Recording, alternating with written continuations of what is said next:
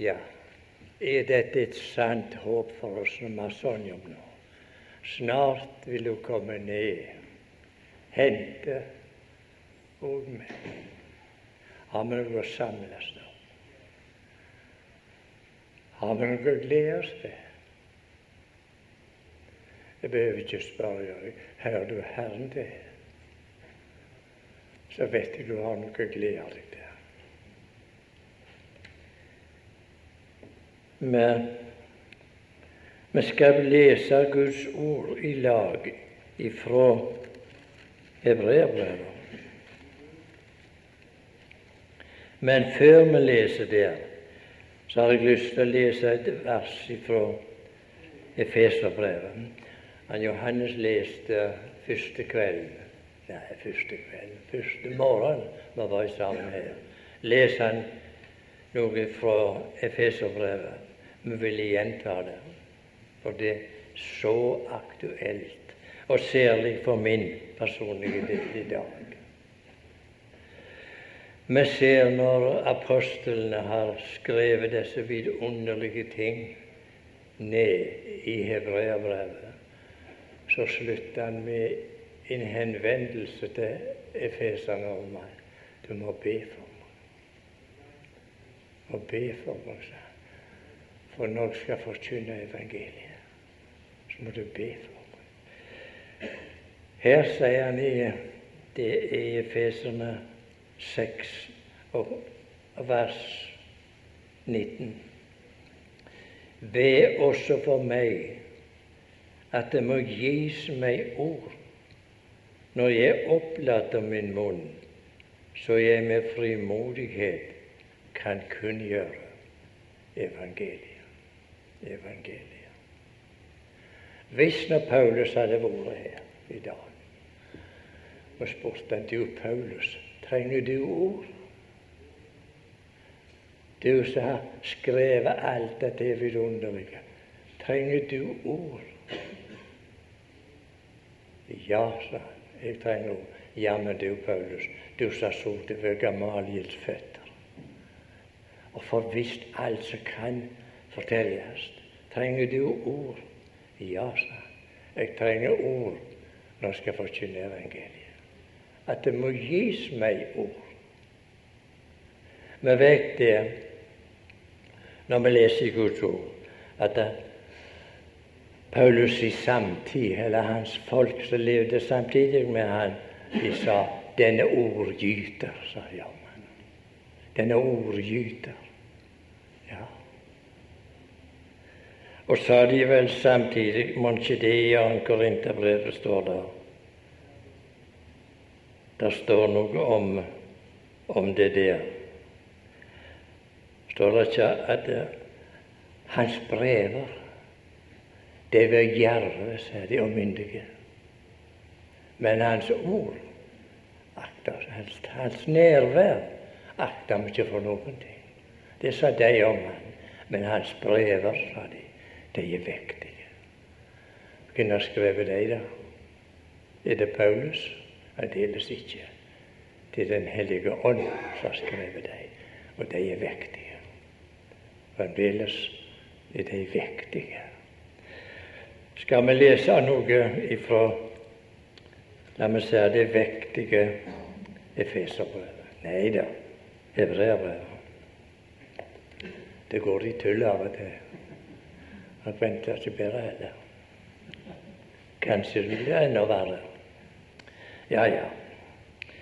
Vi leser for Hebreerne 10. Og vi kan gå inn i vers 19. Da vi altså, brødre, i Jesu blod har frimodighet til å gå inn i helligdommen. Jeg må spørre mitt eget hjerte hva har du lest? Hva leser du? Er det avis du leser? Er det roman? Det er Guds ord. Tenk, her sier han til sine brødre da vi altså, brødre, i Jesu blod har frimodighet til å gå inn i helligdom. Frimodighet til å gå inn i helligdom. Som Han har innvidd oss en ny og levende vei til gjennom forhenget. Det er Hans kjøtt. Og, det, og da vi har en stor prest over Guds hus, så la oss tre frem med sandruhjerte, i troens fulle visshet, renset på hjertene fra en ond samvittighet og tvettet på legemet med rent vann. La oss holde uryggelig eller urokkelig fast ved bekjennelsen av vårt håp, for han er trofast som gav løftet. For han er trofast som gav løftet. La oss holde urokkelig fast ved bekjennelsen av vårt håp. For han er trofast som gav løftet. Når vi har Vi burde jo ha lest hele kapittelet, men vi kan ikke alltid få det til. Men så ser vi i vers 19 der vi har lest da vi altså, brødre, i Jesu blod har frimodighet til å gå inn til å gå inn i helligdommen. Ikke bare til å gå inn i helligdommen, men til å gå inn. Til å gå inn. Ikke stå utenfor. Det kommer for meg når jeg leser det der ordet så, og tenker på vi skal gå inn på et museum, hvor det måtte være. Men gjøre det i vårt eget land skal gå inn, på, gå inn i et museum, så vet vi ikke hva som er inne i museet uten vi går inn. Det er da først vi får opplysning, når vi går inn. Når vi går inn, om vi kan bruke et så slett uttrykk her i Guds ord, så på museet. Gå inn. Tenk, syndere i denne verden har fått anledning til å gå inn i helligdommen. Lukkelige folk som sitter her i dag, og som er her i dag, som har fått anledning til å gå inn i helligdommen. Må Gud gi oss en liten stund her i dag. Vi kan få vandre om inne i helligdommen. Hvis vi går på museet her La oss si vi reiser til Oslo og går inn på, på Kunstindustrimuseet. Når vi kommer inn der, så er det mange rom. Har ikke, de har ikke samla alt i ett rom, dette her. Alle stilperiodene, for da har vi ikke forstått noen ting. Men det er et rom for, for, for barokken. Det er et rom for rokokkoen. Et rom for ja, ja, alle disse stilperiodene. Man går inn der, så går vi i det ene rommet, så ser vi bare det. Så går vi i et annet rom, så er det en annen stilperiode. Så kommer renessansen. Jeg har ikke blanda de sammen. Ellers har vi ikke forstått noen ting. Her i Guds museum. Her kan vi gå inn og så kan vi se ifra begynnelsen.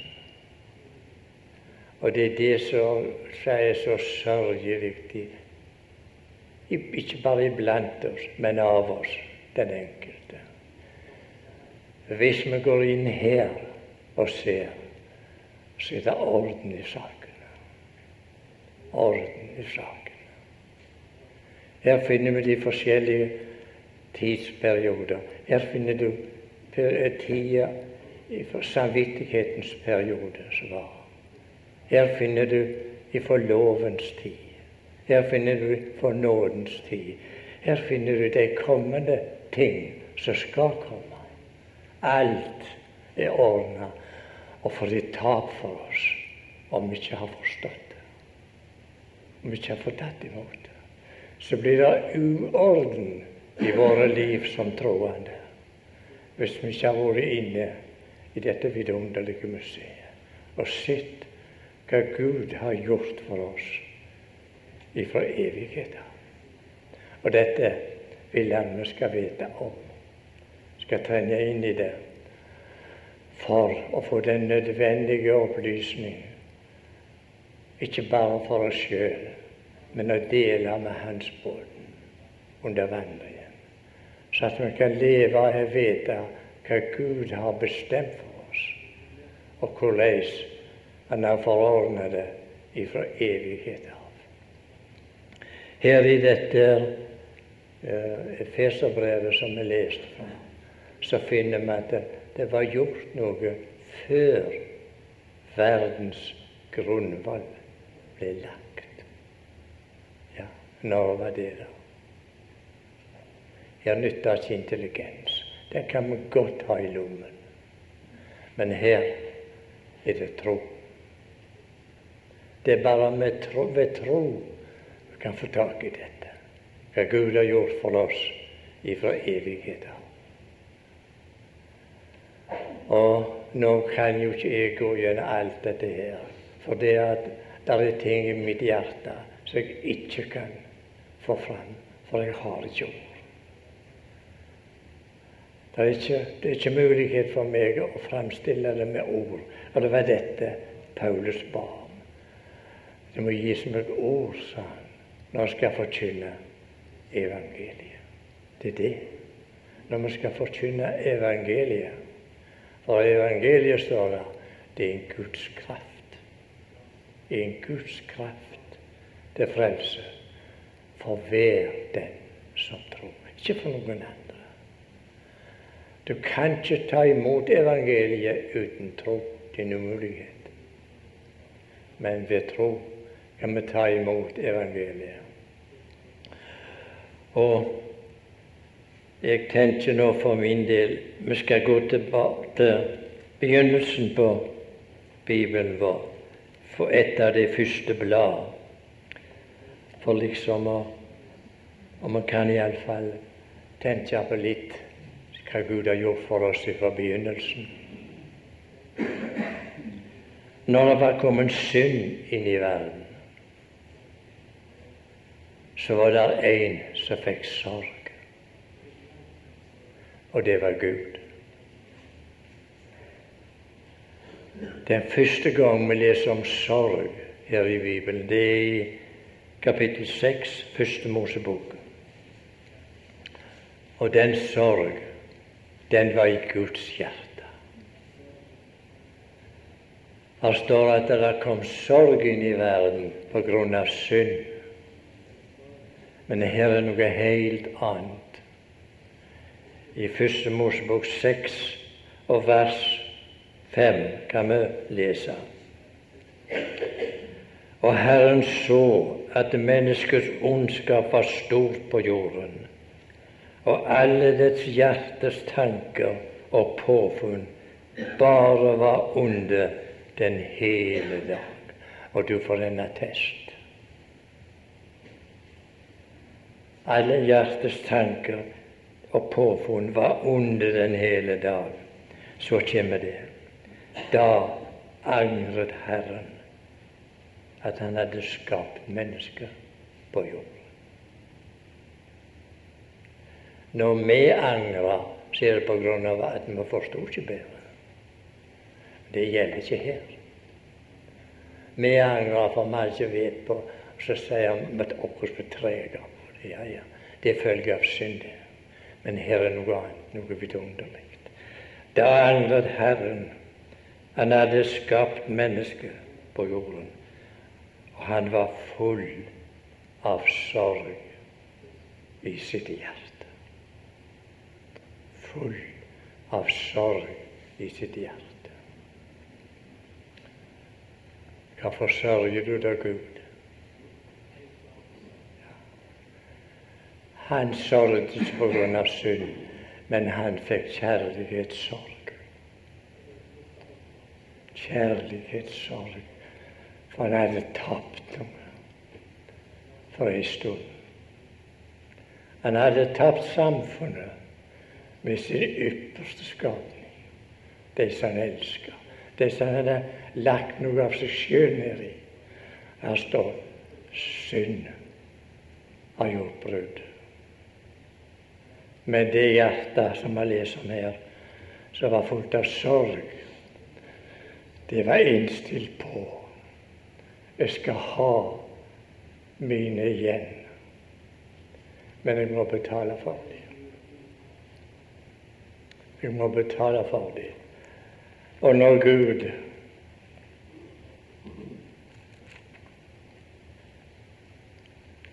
skulle gjøre noe her, så kunne han ikke gjøre slik som han gjorde i begynnelsen. Han bød, og det sto der. Han bød at kom lys, lys kom fram. til kom. Ene kom etter det andre. Han bød, og det sto der. Men når han skulle frelse syndere her i verden, så kunne han ikke by og befale. Da måtte han gjøre noe. Da måtte han gjøre noe. Da kunne han ikke bruke sin alle makt og sin storhet. Men da måtte han bruke sin kjærlighet og sin ydmykhet. For å frelse de som synder hadde øyelagt og gjort skilsmisse. Nå kan jo ikke jeg gå gjennom alt dette hva Gud har gjort for oss. Men det vi vet Han var på Golgata for oss. Kunne vi be Gud og vi liten stund og gå ut til Golgata.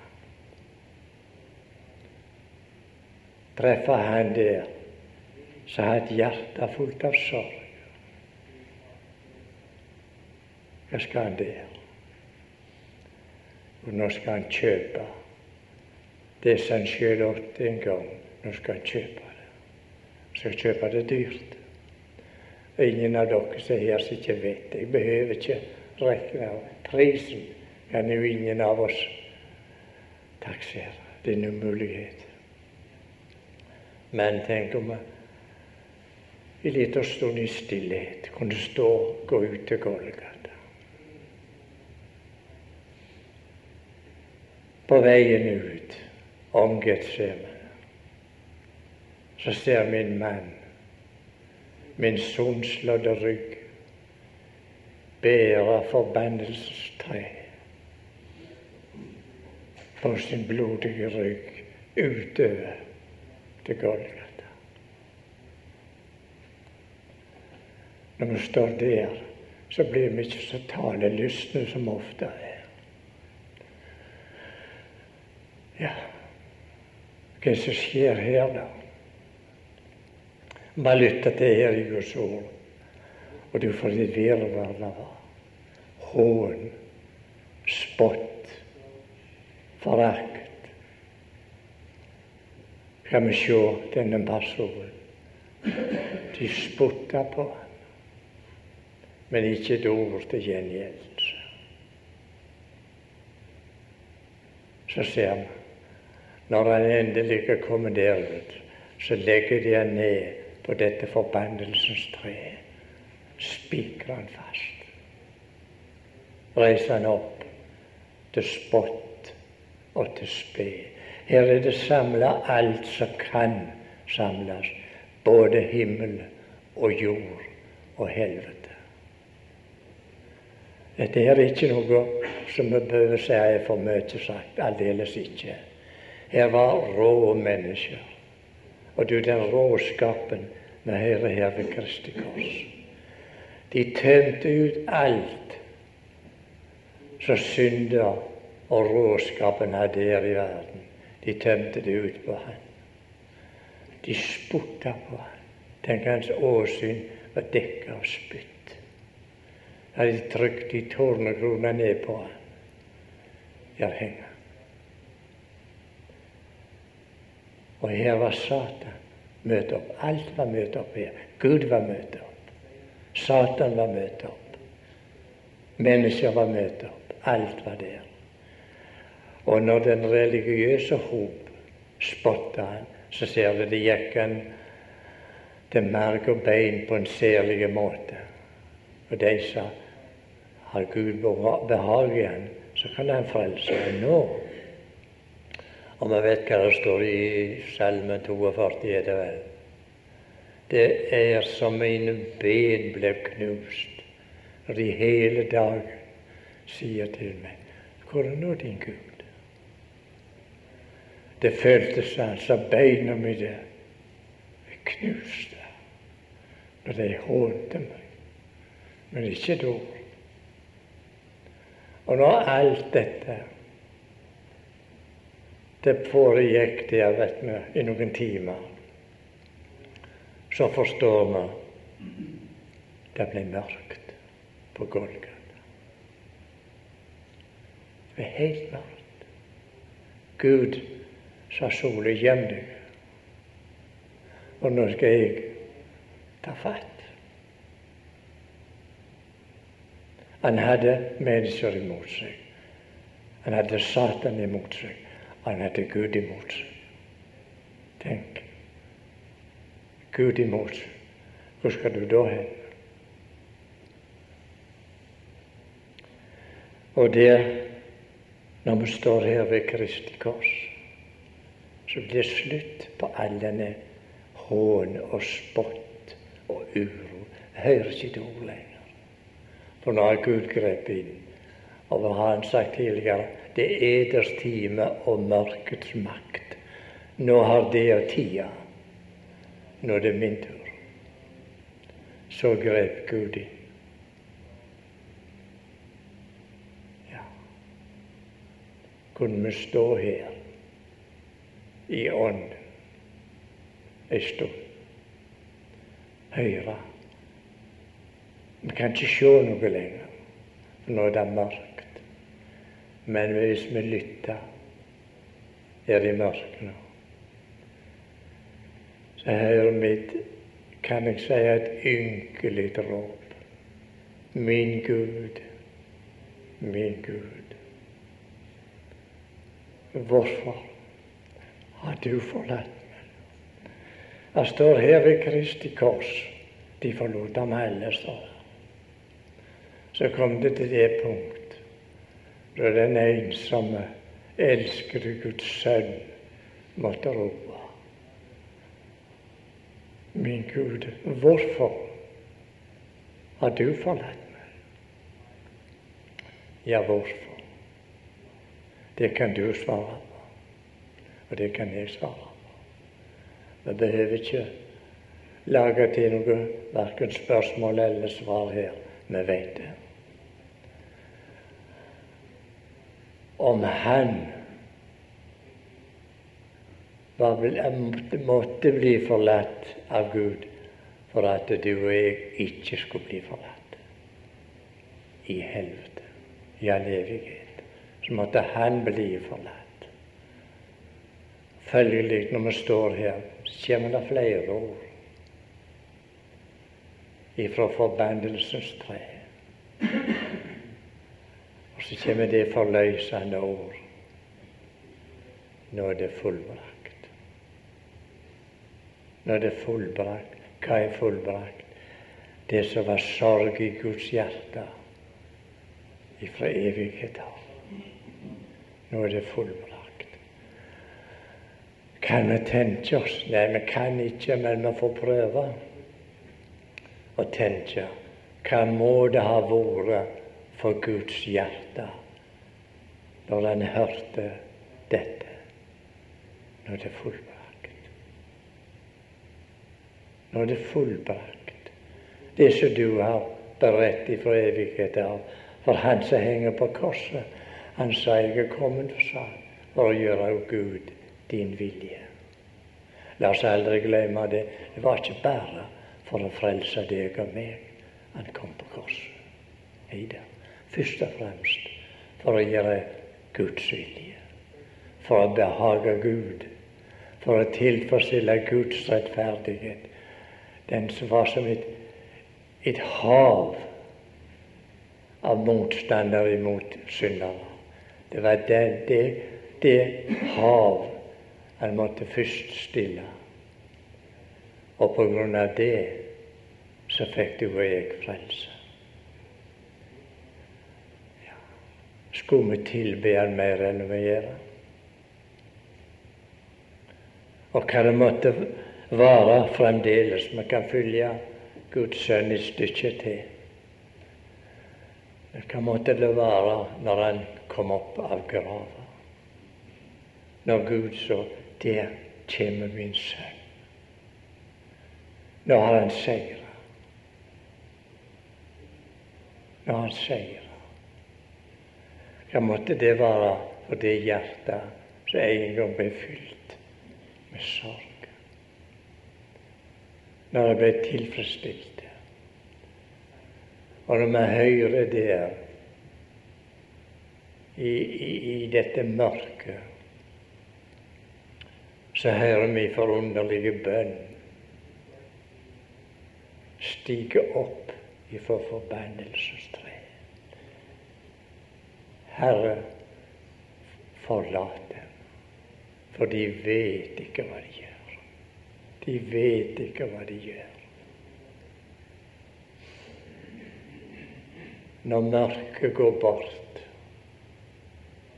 ja, ja, nå, nå må du ikke tro jeg skal gi meg til å forklare, forsøke en gang, men det står her når mørket gikk bort, så står det Så ille tilrett var han at han så ikke ut som et menneske. Det var i den siste akt, når Gud hadde handla med han. Da så han ikke ut som et menneske lenger for da var han så ille tilrett. Og det er det profeten skriver om. Det behager Herren å knuse. Å knuse. Vi veit det. Skal det bli et, et etende brød, så må kornet knuses. Har hørt skrike ifra bakerovnen han var inne i da han skulle, da han skulle bli brød for deg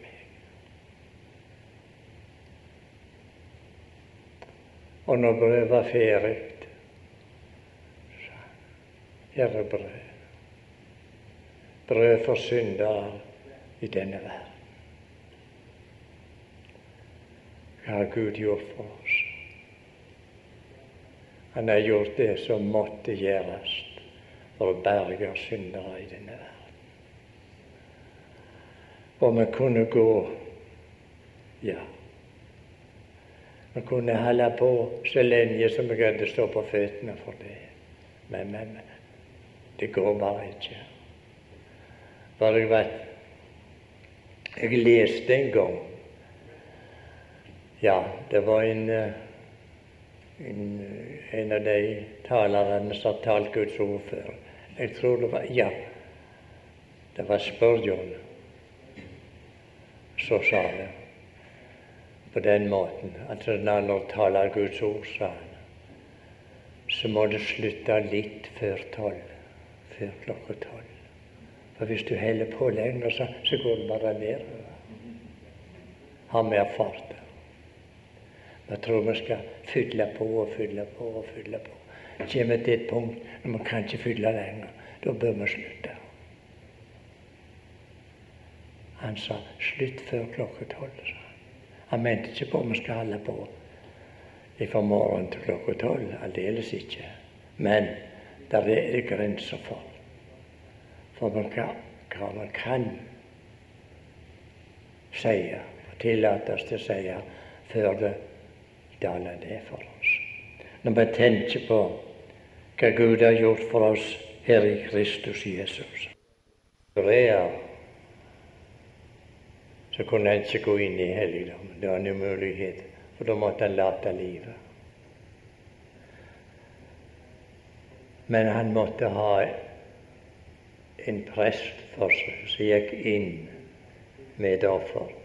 Og Guds ord sier det var et skrøpelig offer. Ja. Og ikke bare det, men det var en skrøpelig prest. Det var underlagt til skrøpelighet. Offeret var ikke noe. Presten var ikke noe. Ingenting var noe. Gud sa det er umulig. Det er umulig at blod av bukker og kalver kan ta bort synd.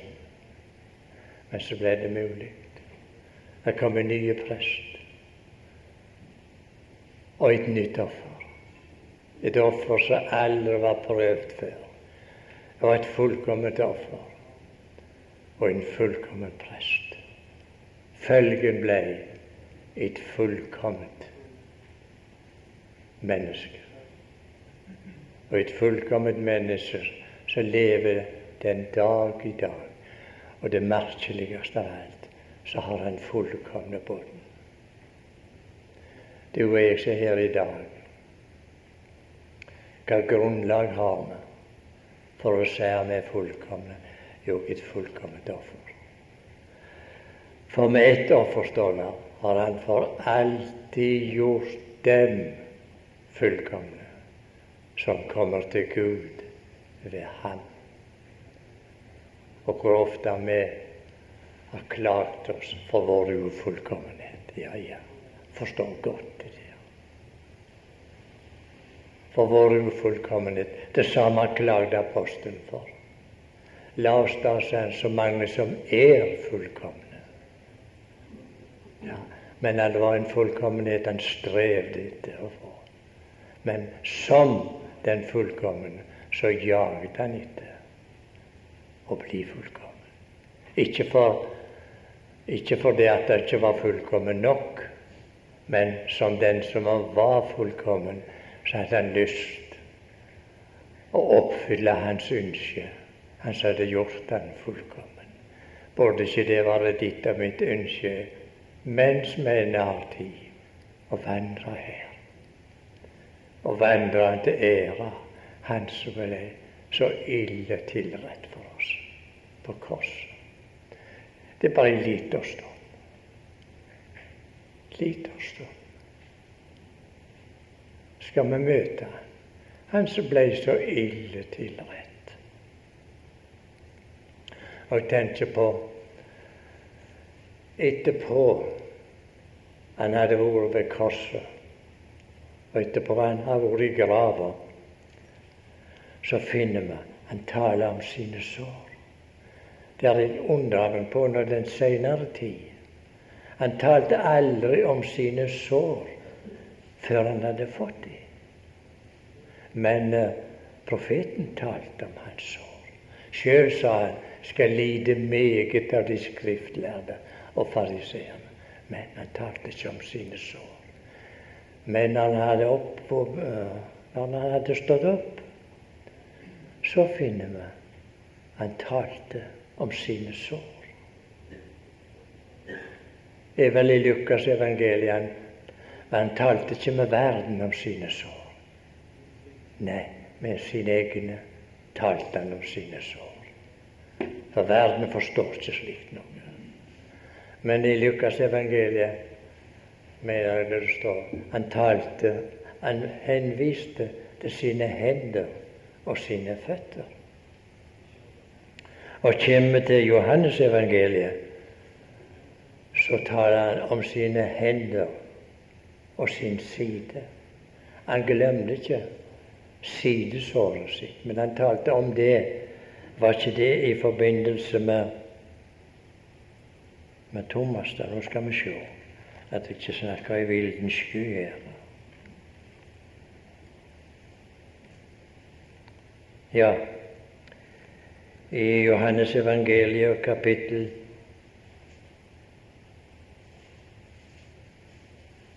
Skulle vel vært ferdig nå.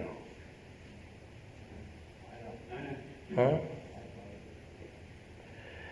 ja, ja, nå får du prøve.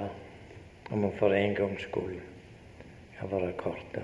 Men der vet vi han, han taler om sin side og sine sår. Hvem taler han til? Jo, han taler til en av sine, til Thomas. Han var så fortvila, Thomas. Han gikk der. De andre hadde hatt møte med han. Men Thomas gikk der. Jeg vil ikke tro. Jeg vil ikke tro før jeg får stikke fingeren borti såra dine, såra hans, og legge hånda i min side. Det sa han før han hadde talt med Herren. Men Herren visste om hva Thomas hadde talt om. Så kom han. Åtte dager etterpå så står det Thomas var også med dem. Her kan vi lese i vers 25 i eh, Johannes kapittel 20. Men en av de tolv, det er vers 24, men en av de tolv, Thomas, det er tvilling, var ikke sammen med dem den gang Jesus kom. De andre disipler sa da til ham, Vi har sett Herren. Men han sa til dem, uten at jeg får se naglegapet i hans hender, og stikke min finger i naglegapet, og stikke min hånd i hans side, vil jeg ingenlunde tro. Og åtte dager deretter var hans disipler atter inne, og Thomas med dem. Jesus kom mens dørene var lukket, og sto midt iblant dem og sa:" Fred være med dere. Deretter sier han til Thomas, Thomas, kom nå hit. Kom nå hit, Thomas, og rekk fingeren din hit og se mine hender. Og rekk din hånd hit og stikk den i min side, og vær ikke vantro, men troende. Ingen av oss vet om Thomas brukte verken hånd eller fin, og har ingen grunn til å tro det. Herren behøver ikke holde noe foredrag for han. Thomas var ikke interessert i noe langt foredrag. Dette er Herren. Og her synes jeg for min del vi finner den høyeste form for tilbedelse i Bibelen vår. Min Herre og min Gud. Mer behøvde ikke Thomas si. Nå var han overbevist. Nå var han oppstanden. Nå har jeg truffet han. Og det bærer med å treffe den oppstandende vi blir tilfredsstilt. Og underlig er det når vi leser Bibelen vår ute gjennom, når vi kommer i åpenbaringen, fremdeles er det tale om hans sår. Hva har fått lekedom? er det dette Thomas opplevde? Han fikk lekedom ved hans sår. Ved hans sår. Og hvis du har lytta til sangen i åpenbaringen, så har du sikkert hørt de synger om en såra mann. Der står dette med det at de synger nye sanger, sier han. Det som en leser om i åpenbaringen, kan ikke jeg akkurat hva vers det står i. Det var fordi du ble slaktet, og med ditt blod kjøpte oss til Gud av hver stamme og tunge og ett. Det dreide sangen seg om. Den samme sang som vi også synger. Vi skal fortsette med den, ser det ut Men det er et lite tilfelle der. Jeg må få lov å lese det. Det er i åpenbaringen Skal vi se om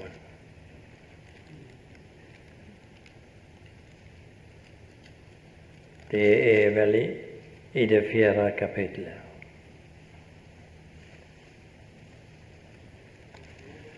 Ja. I det fjerde kapitlet. og vers tre skal vi lese noe lite grann derifra. Og han som satt der, var å se til, like som jaspis og Særet og Sten. og det var en regnbue omkring tronen å se til like som en smaragd. Og rundt omkring tronen var det 24 troner, og på tronene så jeg 24 eldste sitte kledt i hvite klær med gullkroner på sine hoder. Med gullkroner på sine hoder. Disse 24 eldste har fått kroner. Så ser vi noe merkelig lenger bak her, i samme kapittel, i vers 9. Kapittel 4, vers 9. Og når livsvesenet gir Ham som sitter på tronen, Han som lever i all evighet, når de gir Ham pris og ære og takk, da da faller de 24 eldste ned for ham som sitter på tronen, og tilber ham som lever i all evighet, og kaster sine kroner ned for tronen og sier verdig er du. ikke det et under? Altså, de hadde fått kroner av gull, sett på hodet, fått det som en gave. Men når de så han som var såra for deres overtredelser, så ser vi de tar kronene av Kaster de for, hen, for hans føtter. Der hører de kronene til som jeg har fått av det. Og det sier 'verdige du'. Nå kommer det snart en dag, bror og søster, som skal se og forstå. Det er ikke noe som er verdig meg. Det hører til være hans føtter. Han som ble gjort til synd for oss, for at vi i ham skulle være blitt ferdige for Gud og tilbe Ham i all evighet. Vår Gud og vår Far i Kristus Jesus. Hjelp oss at vi må få må lengte til å møte deg.